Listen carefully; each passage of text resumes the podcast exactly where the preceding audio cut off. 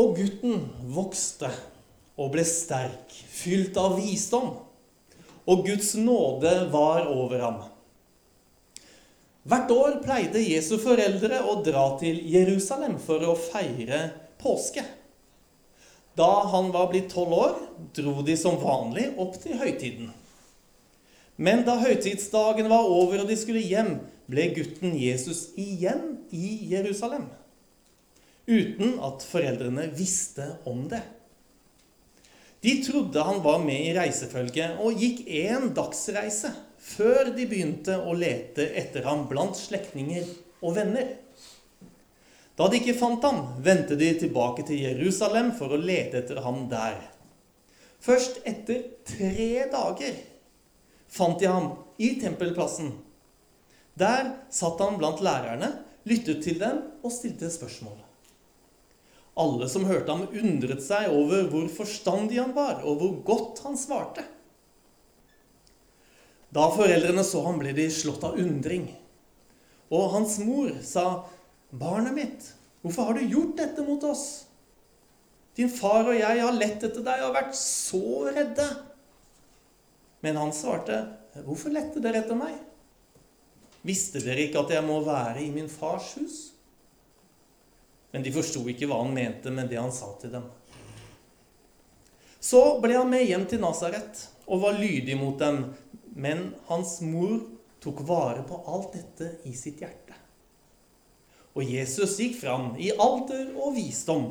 Han var til glede for Gud og mennesker. Slik lyder Guds ord.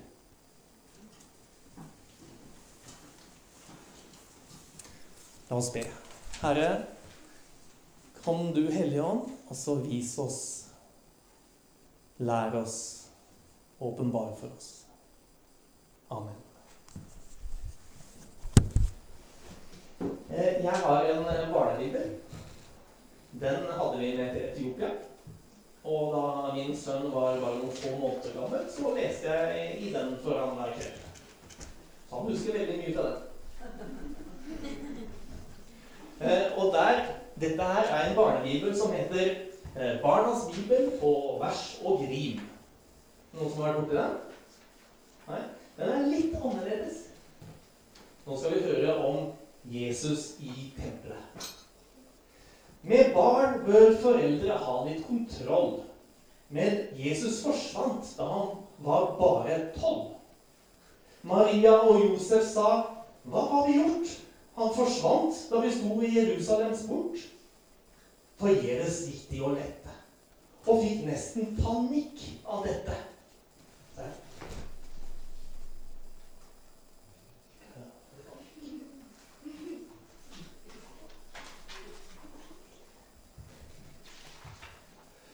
Det var her i mørket at øyet ble blindt. Jerusalems gater er en labyrint. Se, her løper Josef. Nå er han redd. Og her er Maria. Hun spør hva har skjedd. Det koster dem overvinnelse å lete med ro og besinnelse.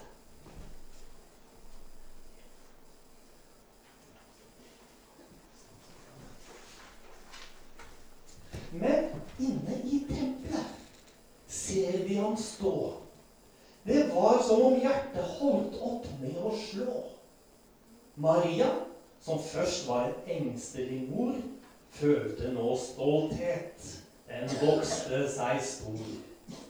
Han snakket med fine rabbinere som ikke kunne vært finere.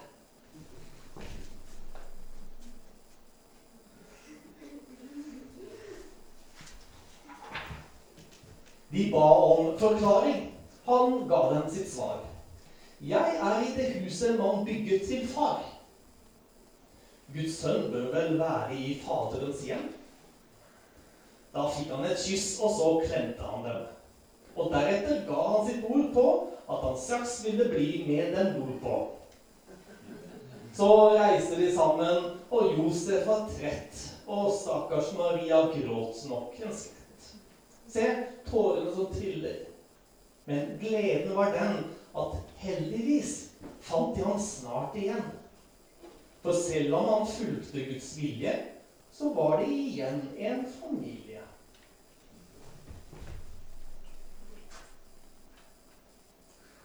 Ganske hyggelig.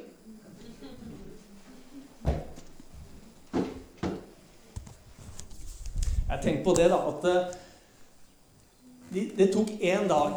De reiste, mamma Maria og Josef, sammen med hele slekta. For det var, det var antagelig så var det hele, hele landsbyen da, hvor de kom ifra, som hadde dratt til Jerusalem. Det var store deler, Så det var mange slekt og venner med kameler og, og geiter og, og, og Tussi var med.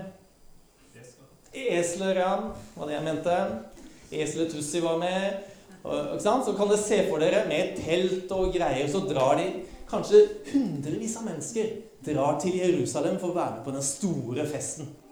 Og når de drar hjem, så er det ikke sånn I, i Norge vet du, så er det hver familie liksom må passe på sine egne.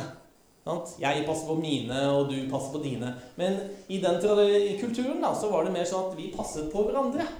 Vi hører sammen hele gjengen. Så når de begynte å reise da, fra Jerusalem, så hadde ikke Maria og Josef liksom helt kontroll på Jesus. For han var jo helt sikkert sammen med de andre. Så det var ikke så veldig rart at de tenkte sånn. Så de reiste, da. Én time, to timer, tre timer, åtte timer. Er det ikke litt rart at vi ikke har sett Jesus ennå, Josef? Ja, Er han ikke sammen med tante Beate? Jeg skal gå og spørre. Nei. Kanskje han onkel, onkel Frans? Nei, ikke der heller. Hvor er Er det ingen som har sett Jesus? Og det blir panikk. ikke sant? Og så har det gått en dag, og det er kveld, og de kan jo ikke reise i mørket heller, for da kommer jo, kommer jo disse røverne og bandittene, og så tar dem på veien hjem. Så de, ikke sant? Så de må, de må sove en natt. Jeg tror ikke Maria fikk sove et blund, jeg. Jesus var jo bare tolv år. Er det noen her som er tolv år? Haha, tenk på det. Helt aleine i Jerusalem uten mamma og pappa. Og mamma og mamma er kjemperedd. Og dagen etter har det gått ett døgn siden de dro fra Jerusalem. Så forter de seg så fort de kan, så fort som Tussi kan løpe. Og det er ikke fort, altså. Det kan jeg love deg. Og så kommer de da Det tar én dag til ikke sant, å reise til Jerusalem, og, og så er det kveld, ja. Vi kan ikke gå rundt i Jerusalem om kvelden, fordi da er det jo røvere og tyver der også. Så de må gå og legge seg. Det har gått to døgn. Dagen etter gå rundt dette til alle slektninger og venner. Er Jesus her? Er Jesus her? Kanskje hele dagen går uten at de finner ham. Og de må legge seg igjen. Kanskje først den fjerde dagen. Femte dagen. Vi går til tempelet. Og der var Jesus. Og Maria er jo helt fra seg. Hvordan kunne du gjøre det mot oss? Jesus! Og så sier Jesus Det er som han, han skjønner ikke hva problemet er. Han sier, 'Hvorfor lette dere etter meg?' Visste dere ikke at jeg må være i min fars hus? Tenk på det, ja, tenk på Josef jeg, i den situasjonen. Josef han visste jo at han ikke var den biologiske faren til Jesus. Men han har oppdratt han som sin egen sønn. Og Jesus var for ham hans sønn. Og så kommer han der, tolv år gamle Jesus, har vært borte fra dem i flere dager inne i tempelet. Og så sier Jesus, 'Visste dere ikke at jeg må være i min fars hus?' Jeg ser for meg hjertet til Josef falle litt. Det gjør litt vondt, tror jeg. Men hva er det som egentlig skjer, hvis vi kan løfte oss opp over det vonde der? Jo, Jesus forteller hvem han er. Hvem er Jesus? Guds sønn. Og derfor er dette en tekst for Kristi åpenbaringsdag. Det blir åpenbart for oss at Jesus er Guds sønn. Og så ble han med hjem til Nasaret og var lydig mot dem, står det i vers 51. Så har jeg et spørsmål. Hvorfor likte Jesus seg så godt i tempelet? Noen forslag? Hvorfor likte Jesus seg så godt i tempelet? Jo, det er jo fars hus. Ja, selvfølgelig så liker han seg godt i tempelet. Og det andre er at fars hus er et bønnens hus. Og det leste vi i stad i leseteksten. Husker dere det? I nabolaget rett borti her så bygges det noe nytt og veldig flott. Vet dere hva det er? Gledeshuset. Jeg vet om det. Det er rett borti her ved elva så skal det bygges Gledeshuset. Og hva som skal skje i Gledeshuset? Jo, der er det sånn at man forventer å bli underholdt og få humor og le masse. For det skal være sketsjer og standup og, og sånne ting der. Men hva med kirken, dere? Farshus. Hva forventer vi i fars hus? Forventer vi også her humor og underholdning? Ja? Nei? La oss se hva Ja, men jeg tror kanskje du har rett. skjønner du. La oss se hva er det vi kan forvente i Fars hus.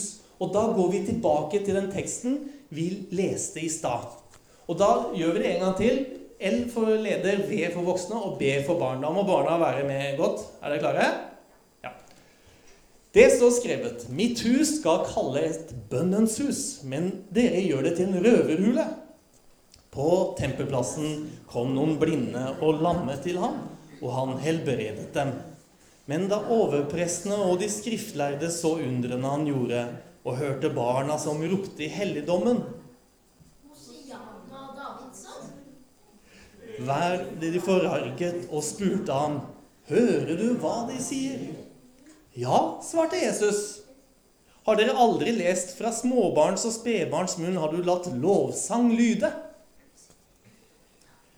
Altså, hva er det vi kan forvente i fars hus? Jo, bønnens hus, det blir bedt i fars hus. Hva mer kan vi forvente i fars hus? Jo, vi kan forvente helbredelse i fars hus. Og hva er det tredje vi kan forvente oss? Jo, vi kan forvente oss lovsang i fars hus. Det er litt annerledes enn et gledeshus. Og vet dere hva? Maria, mammaen til Jesus, vet du, hun er et forbilde på det med bønn. For det står i den teksten som er til prekenteksten, at men hans mor tok vare på alt dette i sitt hjerte. Maria hun blir faktisk sett på den første kristne som mediterer, faktisk.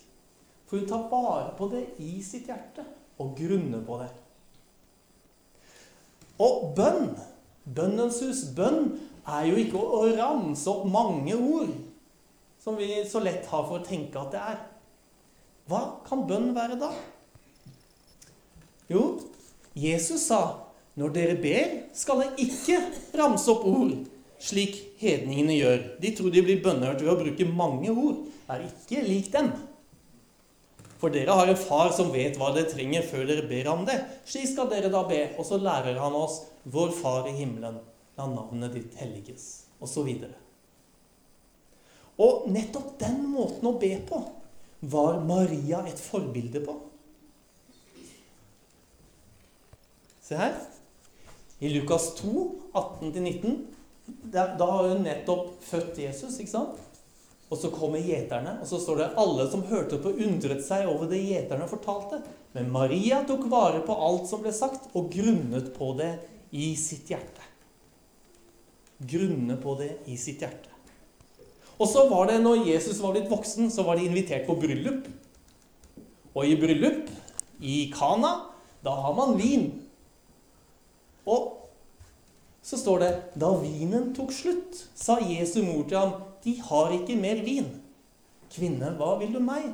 sa Jesus, min time er ennå ikke kommet. Men moren hans sa til tjenerne, det han sier til dere, skal dere gjøre. Hvordan ba Maria til Jesus her? Hadde hun en lang utregning på at så og så mye vin har gått, og det, alt det vil skje, og, og det er så fælt, og, og hjelp, hjelp, hjelp, Jesus. Hæ? Ser dere det? At Maria hadde bare en liten, kort bønn. Hun bare sa, 'Du, nå er vinen slutt'. Det var bønnen til Maria. Så en bønn, det kan bare være å hvile og tenke på det som Jesus har sagt. Og tenke på det i ditt hjerte. Eller hvis det er noe som, er, noe som må fikses i eller ordnes opp, bare si hva er det som er problemet. Helt enkelt og greit. Også i tillit overgi problemet til Jesus. Det er tro. I tillit overgi problemet til Jesus. Et bønnens hus, det er et hus hvor vi viser tillit og overgivelse. Både når det gjelder vårt daglige behov, og når det gjelder vanskelige ting som sykdom og andre ting. Akkurat sånn som han viste på Tempelplassen. Der var den teksten vår igjen, vet du. For Jesus sier at huset skal være et bønnens hus. Og hva er konsekvensen av det? Jo, konsekvensen er at han faktisk rører ved de syke og helbreder dem. Så konsekvens av bønn er gjerne helbredelse. Det er flott, det. Det er sunt faktisk å be. Tenk på det, at det er sunt å be. Så som en naturlig konsekvens av bønn og helbredelse, så kommer lovsang. For lovsang det er en sånn takknemlighet til Jesus. Hurra for Jesus. Og kanskje er det enklere for barn å vise tillit og overgivelse og dermed takknemlighet enn for oss voksne.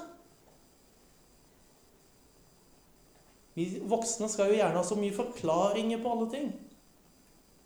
Men kanskje vi skal være litt mer som barn.